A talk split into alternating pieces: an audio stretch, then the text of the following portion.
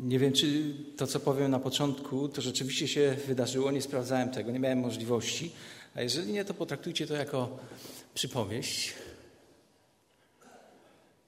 Gdzieś północne Włochy, staruszek, który ma ponad 80 lat, po pobycie w szpitalu jest wypisywany i wśród tych papierów, które są mu dane do podpisywania, gdy opuszcza ten szpital, jest taki rachunek na 500 euro.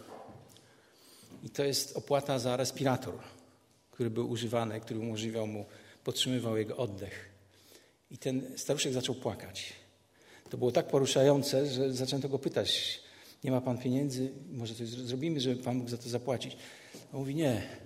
W tym momencie sobie uświadomiłem, że ponad 80 lat mojego życia Pan Bóg pozwalał mi oddychać i nigdy nie chciał za to nawet jednego euro. Nie byliśmy tu już dość długo z Danusią.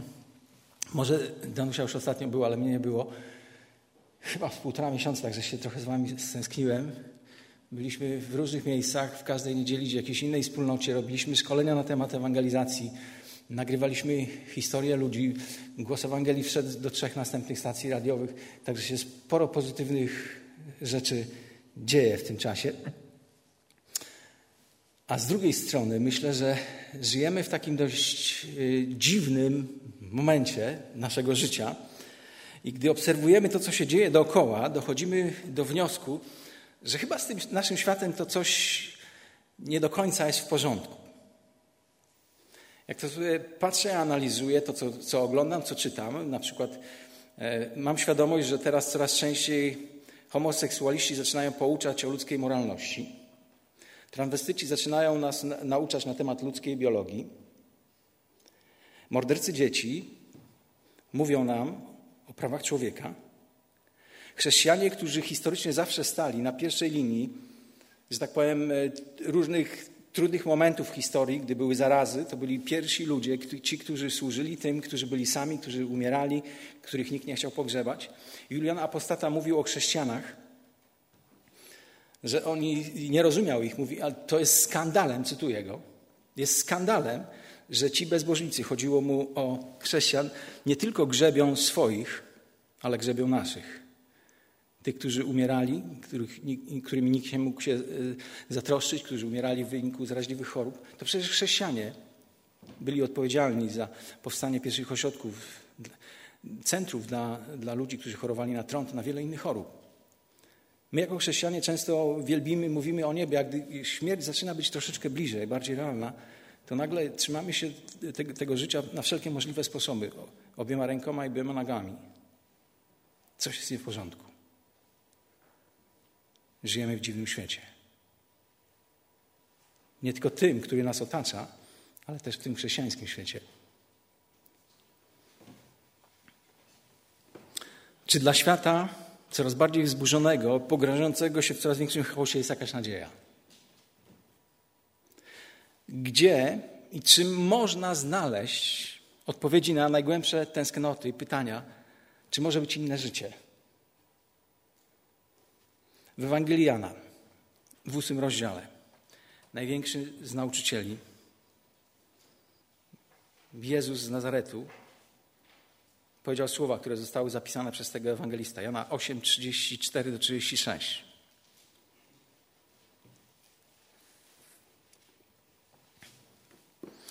Jezus im odpowiedział: Zaprawdę, zaprawdę powiadam wam, każdy, kto grzeszy, jest niewolnikiem grzechu. A niewolnik nie pozostaje w domu na zawsze, lecz syn pozostaje na zawsze. Jeśli więc syn was wyswobodzi, prawdziwie wolnymi będziecie. Jeszcze jeden fragment z listu do Rzymian, 6 rozdział, 22 werset. Teraz zaś wyzwoleni z grzechu, a oddani w służbę Bogu. Człowiek został stworzony do życia w wolności. Człowiek został stworzony do wolności. Pan Bóg nie stworzył człowieka do tego, żeby był niewolnikiem. W każdym z nas jest takie pragnienie, poszukiwanie, tęsknota do wolności. Często młode pokolenie traktuje wolność jako prawo, ale pra wolność zawsze ma potężną i bardzo wysoką cenę. Bóg stworzył nas do wolności. Będąc zniewoleni, nie czujemy się szczęśliwi. Mając wiele rzeczy materialnych, pozbawieni wolności, jesteśmy pozbawieni czegoś bardzo istotnego. Nie czujemy się w takiej sytuacji szczęśliwi. Nie chcemy być niewolnikami. Wszyscy chcemy być wolni. To pragnienie jest wkodowane, włożone w każdego z nas, ale jest pewien problem. Nasza wolność nie tylko zależy od okoliczności, w których się znajdujemy. Jeżeli Twoja wolność, moja wolność zależy tylko od okoliczności, w których się znajduję, to to nie jest prawdziwa wolność. Cela więzienna, dwóch więźniów. Jedno małe okno na wysokości dwóch metrów. Siedzą tam ze sobą przez parę lat. Jeden z nich często podchodzi do tego okna i patrzy, i ten drugi go pyta: Co widzisz? A co mogę widzieć? Kraty. Po jakimś czasie ten drugi staje przy tym samym oknie. Patrzy przez to samo okno i przez te same kraty, i ten drugi go pyta: Co widzisz? Gwiazdy.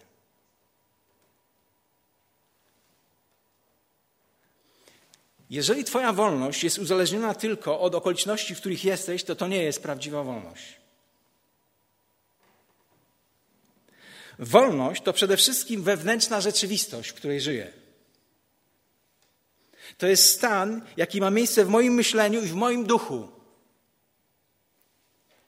I gdy obserwujemy swoje życie, to możemy zauważyć, a Słowo Boże to potwierdza, że człowiek tak naprawdę wolny to nie jest. Każdy człowiek jest zniewolony przez bardzo niebezpieczną chorobę, która nazywa się grzechem. I to jest największy problem, z jakim mierzy się człowiek. Każdy z nas pragnie być wolny, a jednocześnie każdy z nas jest wyobcowany, jest rozerwany sam wewnątrz siebie. Zmagamy się w naszym życiu sami ze sobą, w naszej egzystencji. Mamy żyć, a naprawdę egzystujemy, czyli istniejemy poza życiem. Prawdziwym życiem. Czy jest jakaś nadzieja? Czy możemy znaleźć wolność? A może nie ma żadnej nadziei?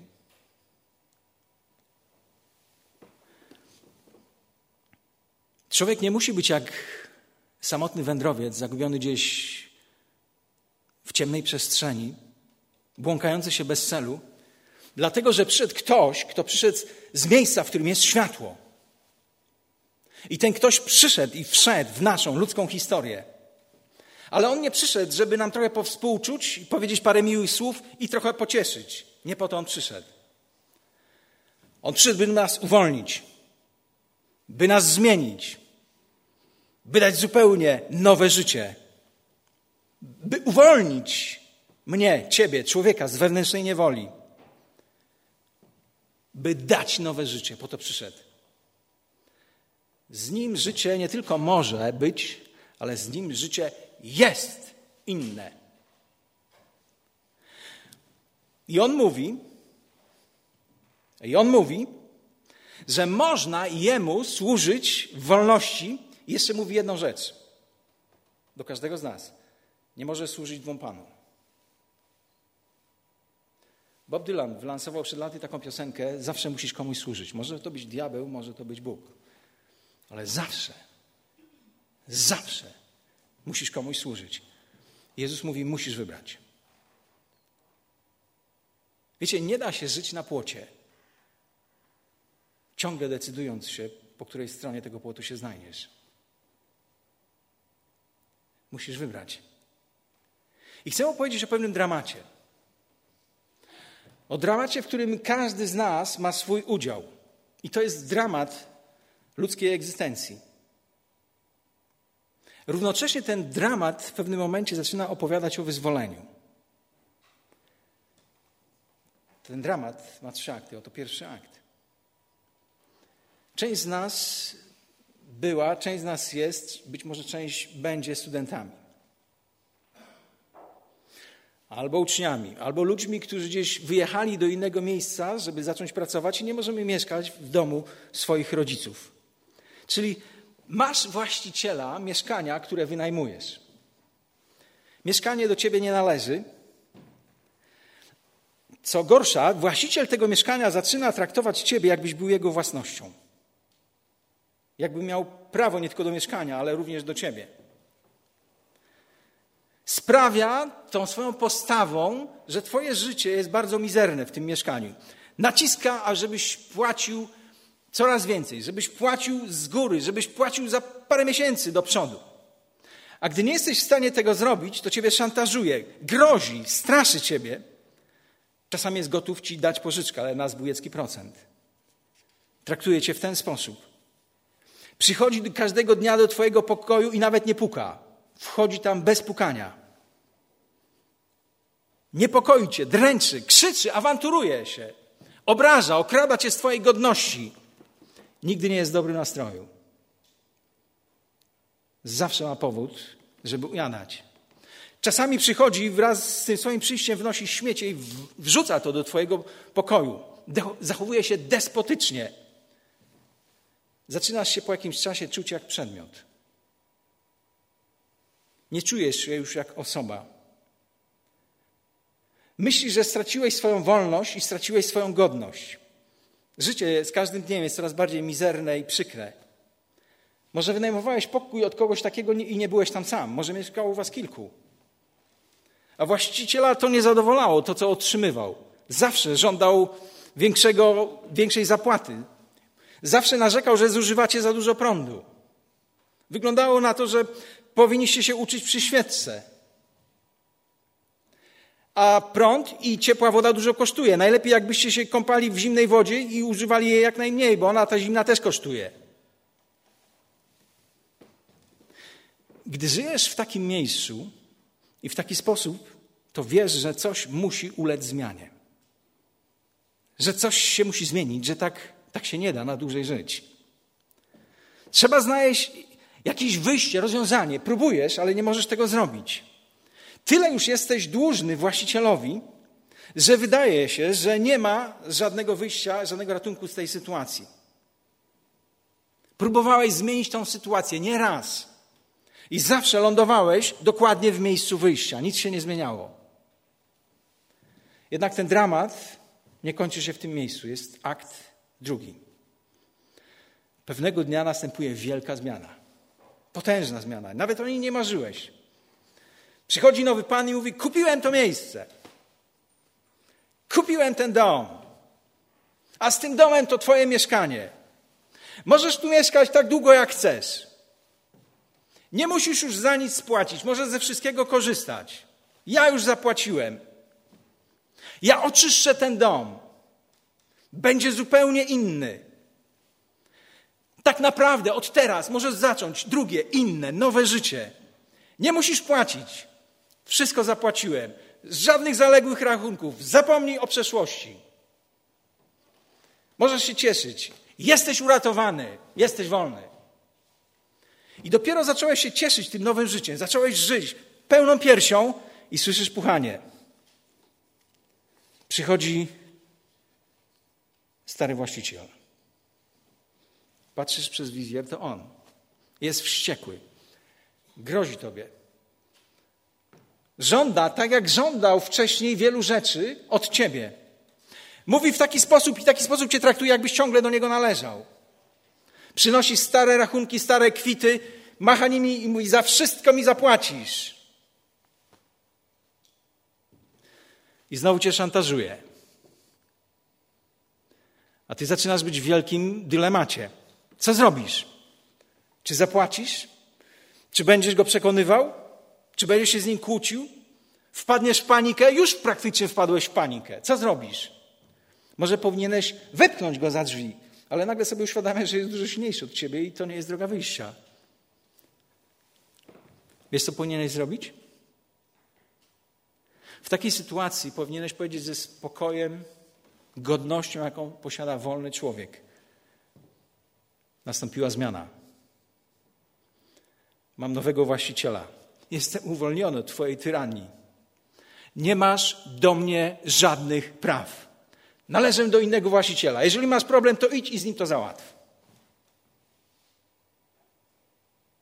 I to, co powiesz, i to, jak powiesz, wprawi go jeszcze większą wściekłość. Bo twą, ton Twojego głosu wskazuje, że Ty kochasz nowego właściciela.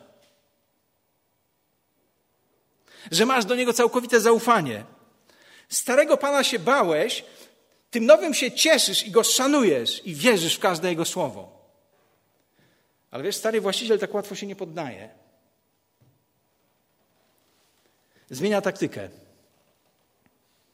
Gdy zauważa, że jego szantaż, że jego groźby nie działają, przekleństwa nie skutkują, próbuje cię przekonać, używa swojej logiki. To wszystko, o czym myślałeś, się wydarzyło, to jest jedno wielkie nieporozumienie. Zwiedzenie. W rzeczywistości nic się nie zadziało. Nie ma żadnej zmiany. Życie jest ciągle takie samo, jak było. Te same problemy masz, z którymi przedtem walczyłeś. Zmiana jest niemożliwa. Musisz mi służyć. Musisz mi płacić. Jeśli to nie skutkuje, próbuję innych sposobów. Próbuję pochlebstw. Staje się bardzo miły, uprzejmy. Powie, być może takim tekstem pojedzie: Byłeś bardzo dobrym studentem. Nasze relacje mogą być odnowione. Możemy się ze sobą jakoś porozumieć, możemy się dogadać. Może jeszcze raz zawrzemy umowę, tylko pozwól mi wejść. Porozmawiajmy ze sobą jak dorosłe osoby. Ja ci wyjaśnię całą sytuację. Nie martw się, znajdziemy rozwiązanie. I teraz musisz być bardzo ostrożny. To jest dramat Twojego i mojego życia. Nie wiem, w którym z tych aktów dzisiaj się znajdujesz. Być może ciągle jesteś w akcie pierwszym, Twoje życie jest przykre, przegrane, nie żyjesz tak, jak powinieneś. Budzisz się do kolejnego dnia i nie masz żadnego pomysłu i celu, dla którego miałbyś żyć w tym kolejnym dniu. Wydaje się, że jest bez celu. W Twoim życiu nie ma radości.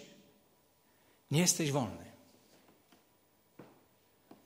Czujesz się jak niewolnik. Robisz rzeczy, których nie chcesz robić, których żałujesz. Wiesz, że powinieneś żyć inaczej, ale jest, wydaje się, że jest ktoś, kto żyje według, wewnątrz ciebie, kto jest silniejszy niż ty. I rządzi twoim życiem.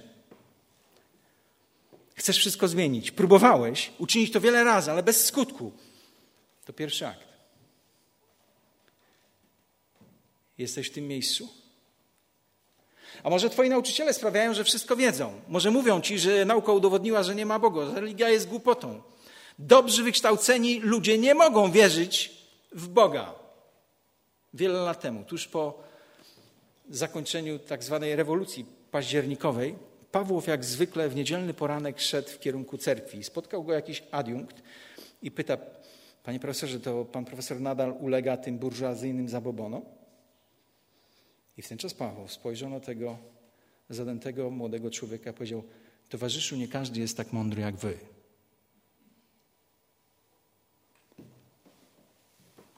A może jest tak, że żyjesz tak, jakby żadnego Boga nie było.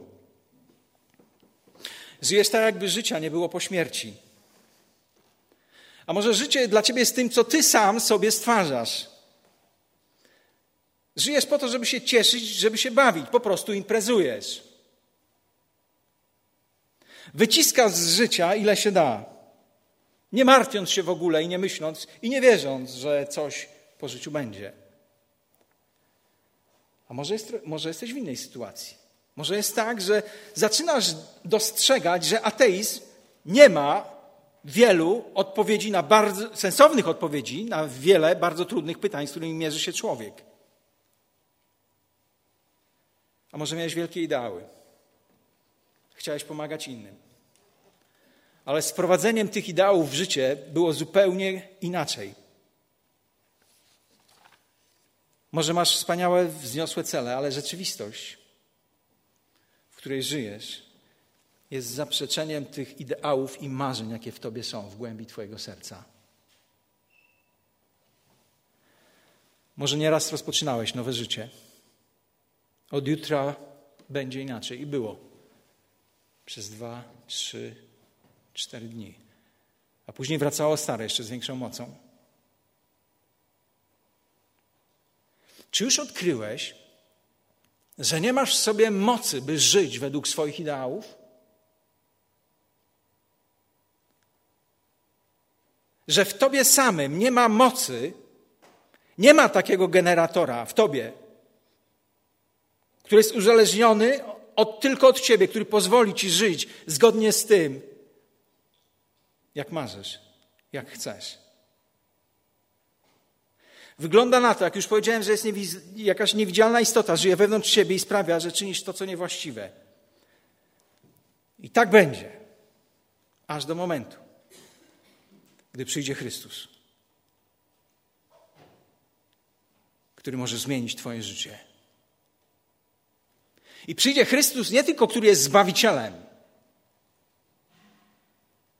ale przyjdzie Chrystus, który zacznie być Twoim Panem. I o tym będziemy mówili w następnych tygodniach. Trochę więcej. I możesz doświadczyć tego wewnętrznego wyzwolenia, prawdziwej wolności.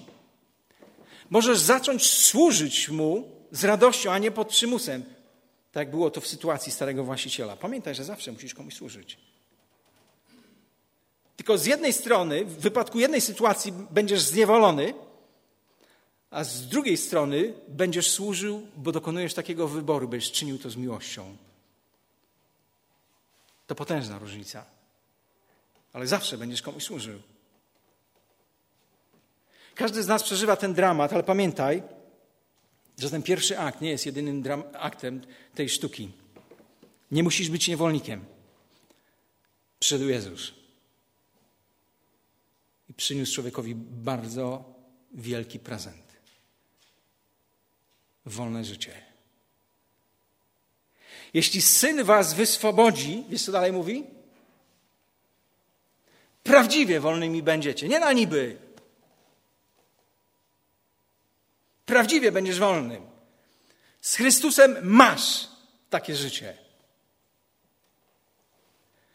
Twój stary właściciel może co prawda jeszcze przyjść, będzie się kręcił w pobliżu, będzie się niepokoił, ale za każdym razem, gdy się pojawi, przypomnij mu, że stracił swoje prawa, że jest pokonany.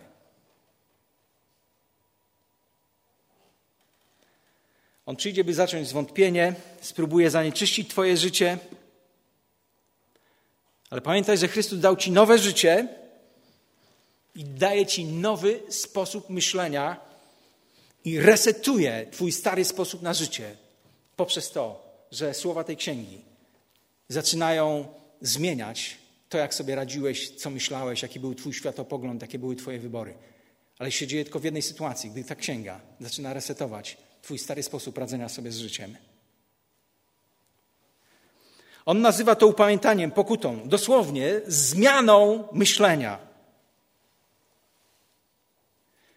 Jeżeli masz ciągle problemy ze starym panem swojego życia, to zawróć. Możesz mieć nowego Pana. I ten Pan uwolni cię od tego wewnętrznego rozdarcia. Stary właściciel, ten, on wróci. To masz jak w banku.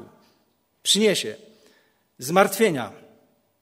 Zaczniesz się martwić o przyszłość, o szkołę, o to kogoś poślubisz. Jak już kogoś poślubisz, czy się nie rozejdziecie, połowa małżeństw się rozpada. A może zaczniesz się martwić o zdrowie. Zachorujesz na śmiertelną chorobę. Każdy z nas umrze, wiecie? Chyba, że Chrystus przyjdzie jeszcze wcześniej i niektórzy dożyją tego momentu i nie umrą, ale życie to jest śmiertelna choroba. Umrzemy.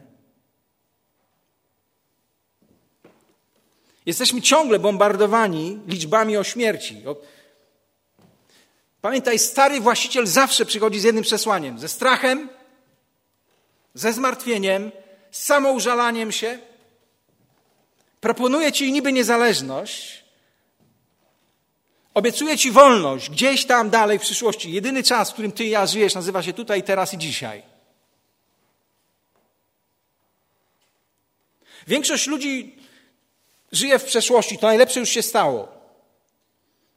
Spora część dopiero szykuje się żyć, będzie najlepiej, będzie lepiej, jak się poukłada, jak będzie szczepionka, będzie lepiej, będzie lepiej.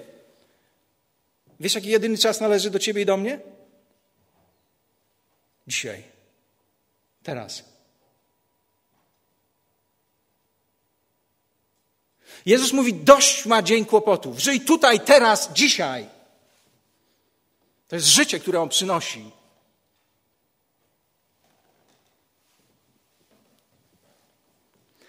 Pamiętaj, że Chrystus jest inny. On Cię kocha.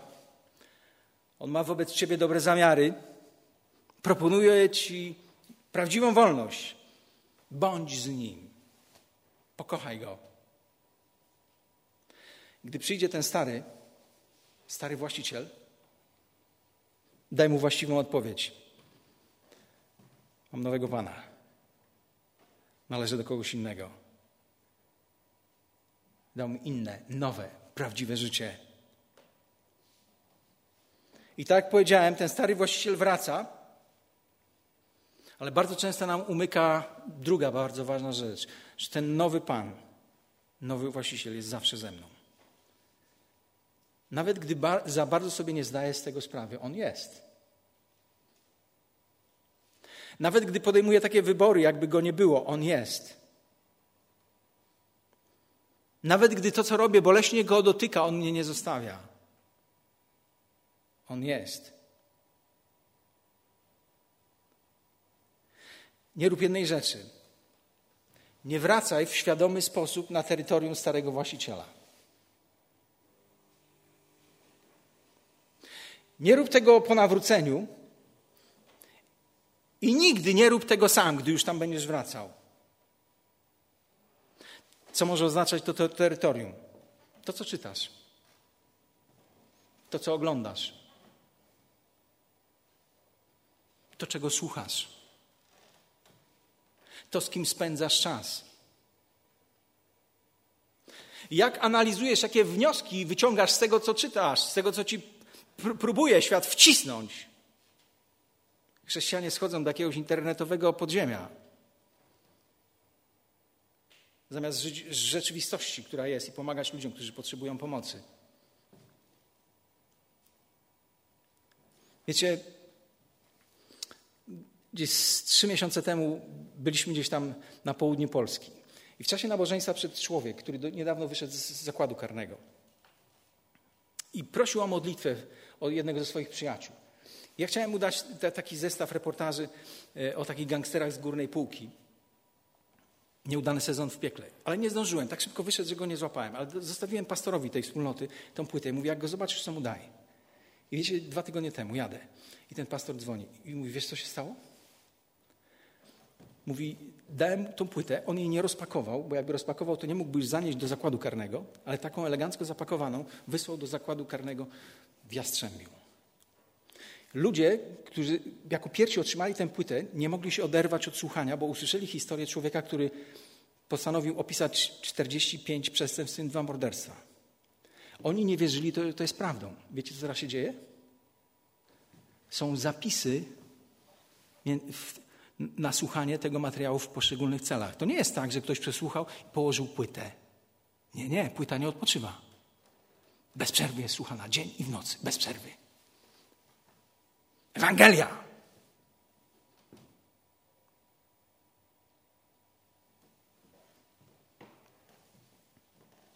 Pamiętaj, że jesteś nowym stworzeniem.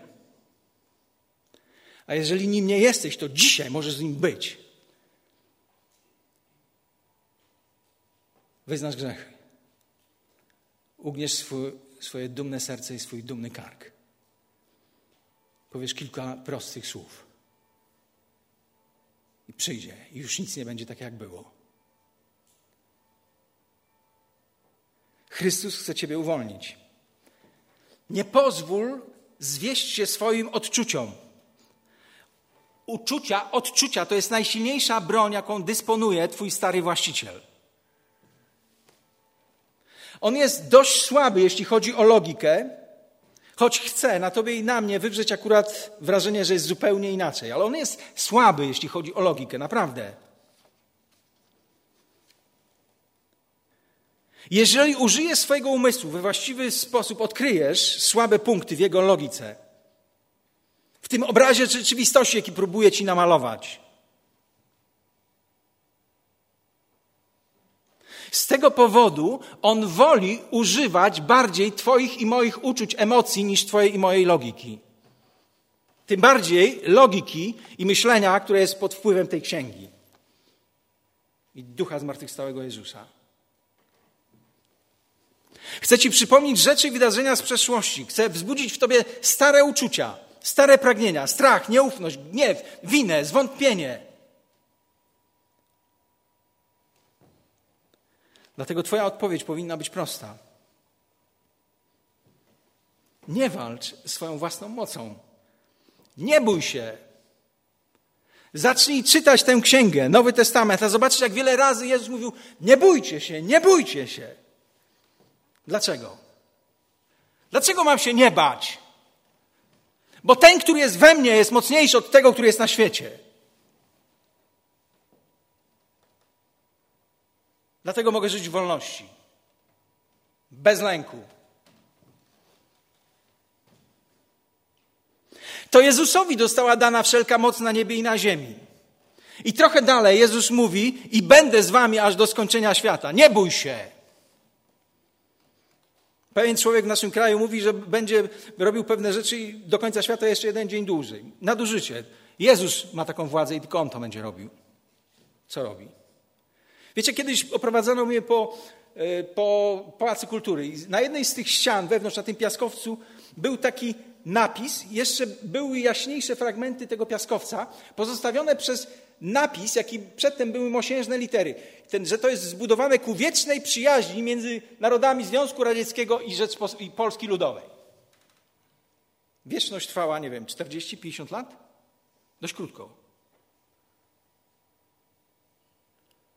Ale Jezus mówi: Będę z Tobą do skończenia świata. Tego świata. Bo ten, w którym On jest, nie ma końca. Dlatego nie bój się. Ufaj nowemu Panu. Idź za Jego głosem. Nie idź za swoimi odczuciami. Często będą cię zwodziły. Bądź wytrwały. Wygrasz, zwyciężysz. Wiesz dlaczego? Bo On już zwyciężył. Jak zaczniesz czytać ostatnią księgę, to tam bardzo często zaczniesz czytać o zwycięzcach. Nie musisz być przegrany.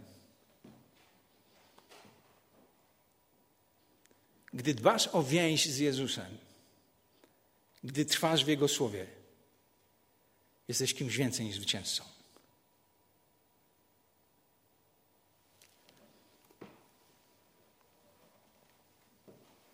Uczucia nie są podstawy, podstawą dla naszej wiary. Podstawą jest Boże Słowo. Dlatego czytaj Boże Słowo, karm się Słowem Bożym. Niech ono kształtuje Twoje myślenie. Niech te wartości tego słowa komponują Twoje życie, przemieniają Twoje życie.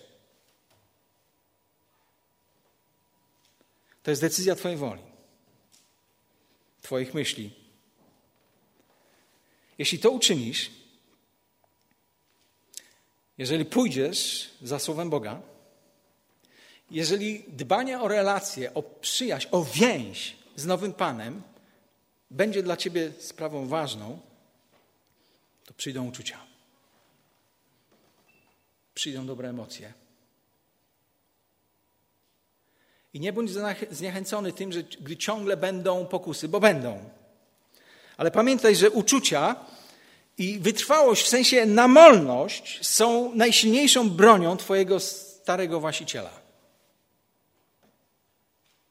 Nie myślimy tak o naszych uczuciach.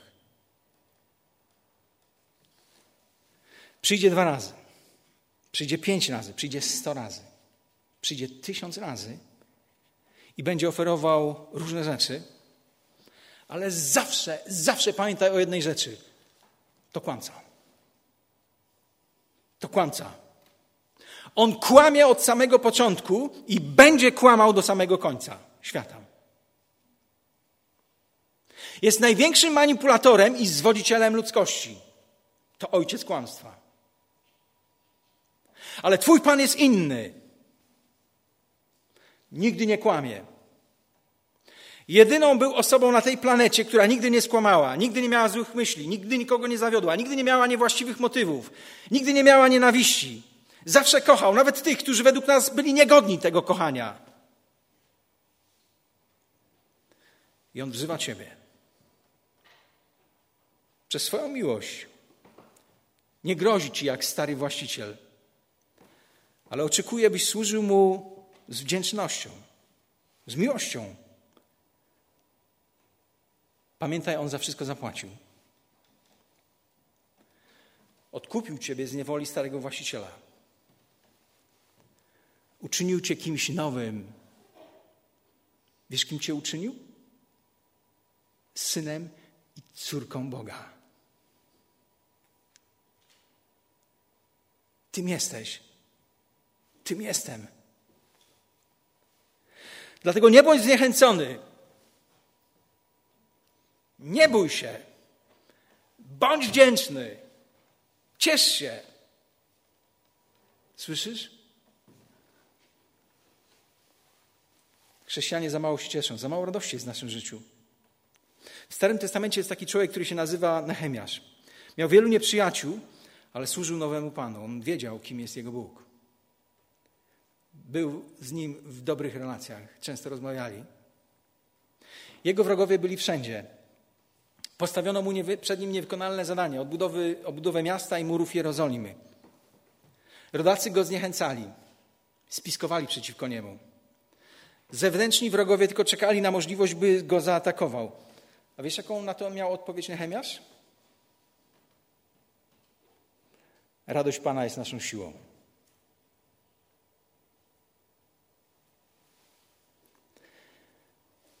Dzisiaj poczytałem z rana ten tekst.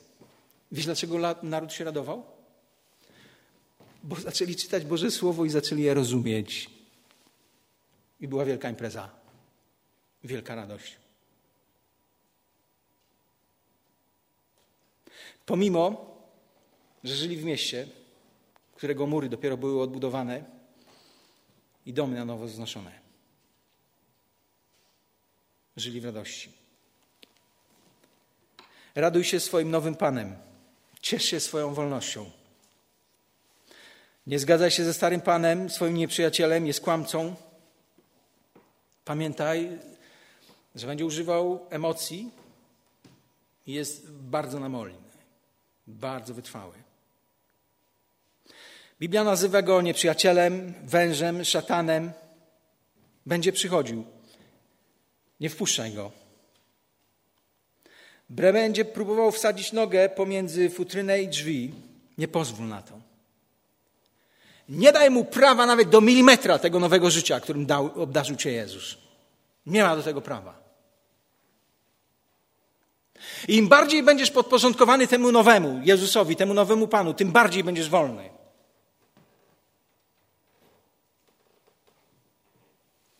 Nie jesteś pod władzą starego właściciela, masz nowego Pana.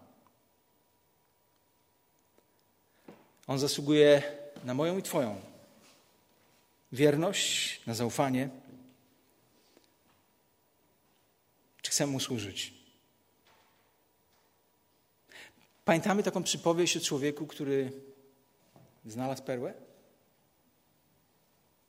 Pamiętacie, co zrobił? Sprzedał wszystko, co miał. Po co? A żeby mieć tę jedną.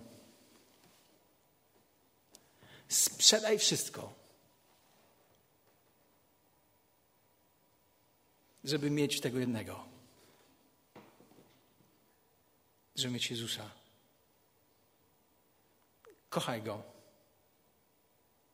Będziesz żył na maksa jest kosztowną perłą. To jest jedyna istota w całym wszechświecie, która może spełnić Twoje najskrytsze marzenia i pragnienia. Bo On dał te pragnienia i marzenia w Ciebie i we mnie.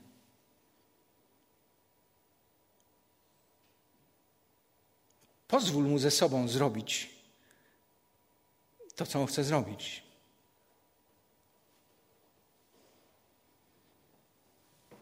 Czy jest Twoim nowym właścicielem i panem. Jeżeli jesteś w pierwszym akcie, to mam dla Ciebie pytanie. Czy widzisz powód, dla którego nie miałbyś dzisiaj poprosić Go, by stał się Twoim zbawcą i Panem? Pochylmy nasze głowy.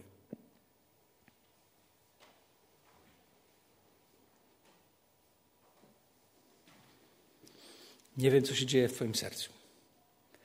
Nie wiem, w którym miejscu jesteś tego, co próbowałem powiedzieć. Ale Ty wiesz i Pan Bóg wie. Czy dzisiaj podejmiesz decyzję? Jezu, wracam, przychodzę po, po wolność. Przychodzę po przebaczenie. Przychodzę, by powiedzieć przepraszam.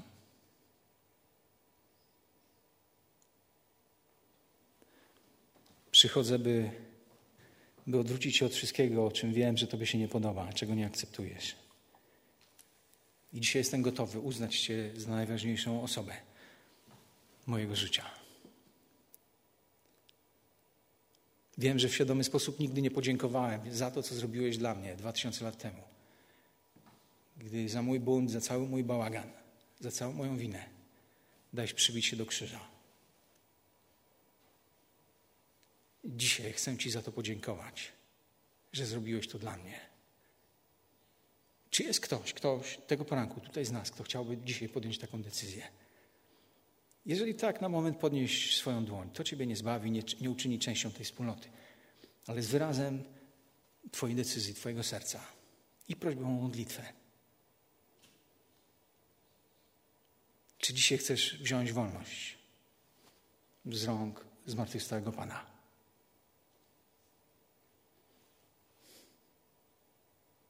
Panie, dziękuję Ci za Twoje słowo.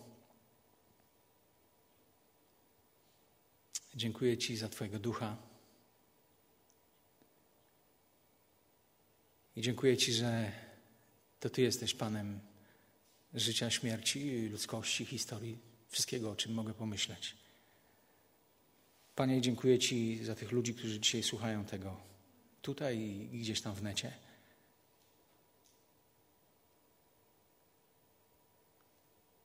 Panie, dziękuję Ci, że Twoje słowo nie wraca się próżne. Panie, dziękuję Ci za tych ludzi, którzy dzisiaj z bezradnością dziecka powiedzą do Ciebie kilka prostych słów. I wreszcie przestaną przed Tobą uciekać. Panie, wreszcie przyjdą, byś obdarzył ich wolnością. Byś dał im sens. Dziękuję Ci, że chcesz to robić. Dziękuję Ci za przywilej dzielenia się wieścią o Tobie, Panie. Amen.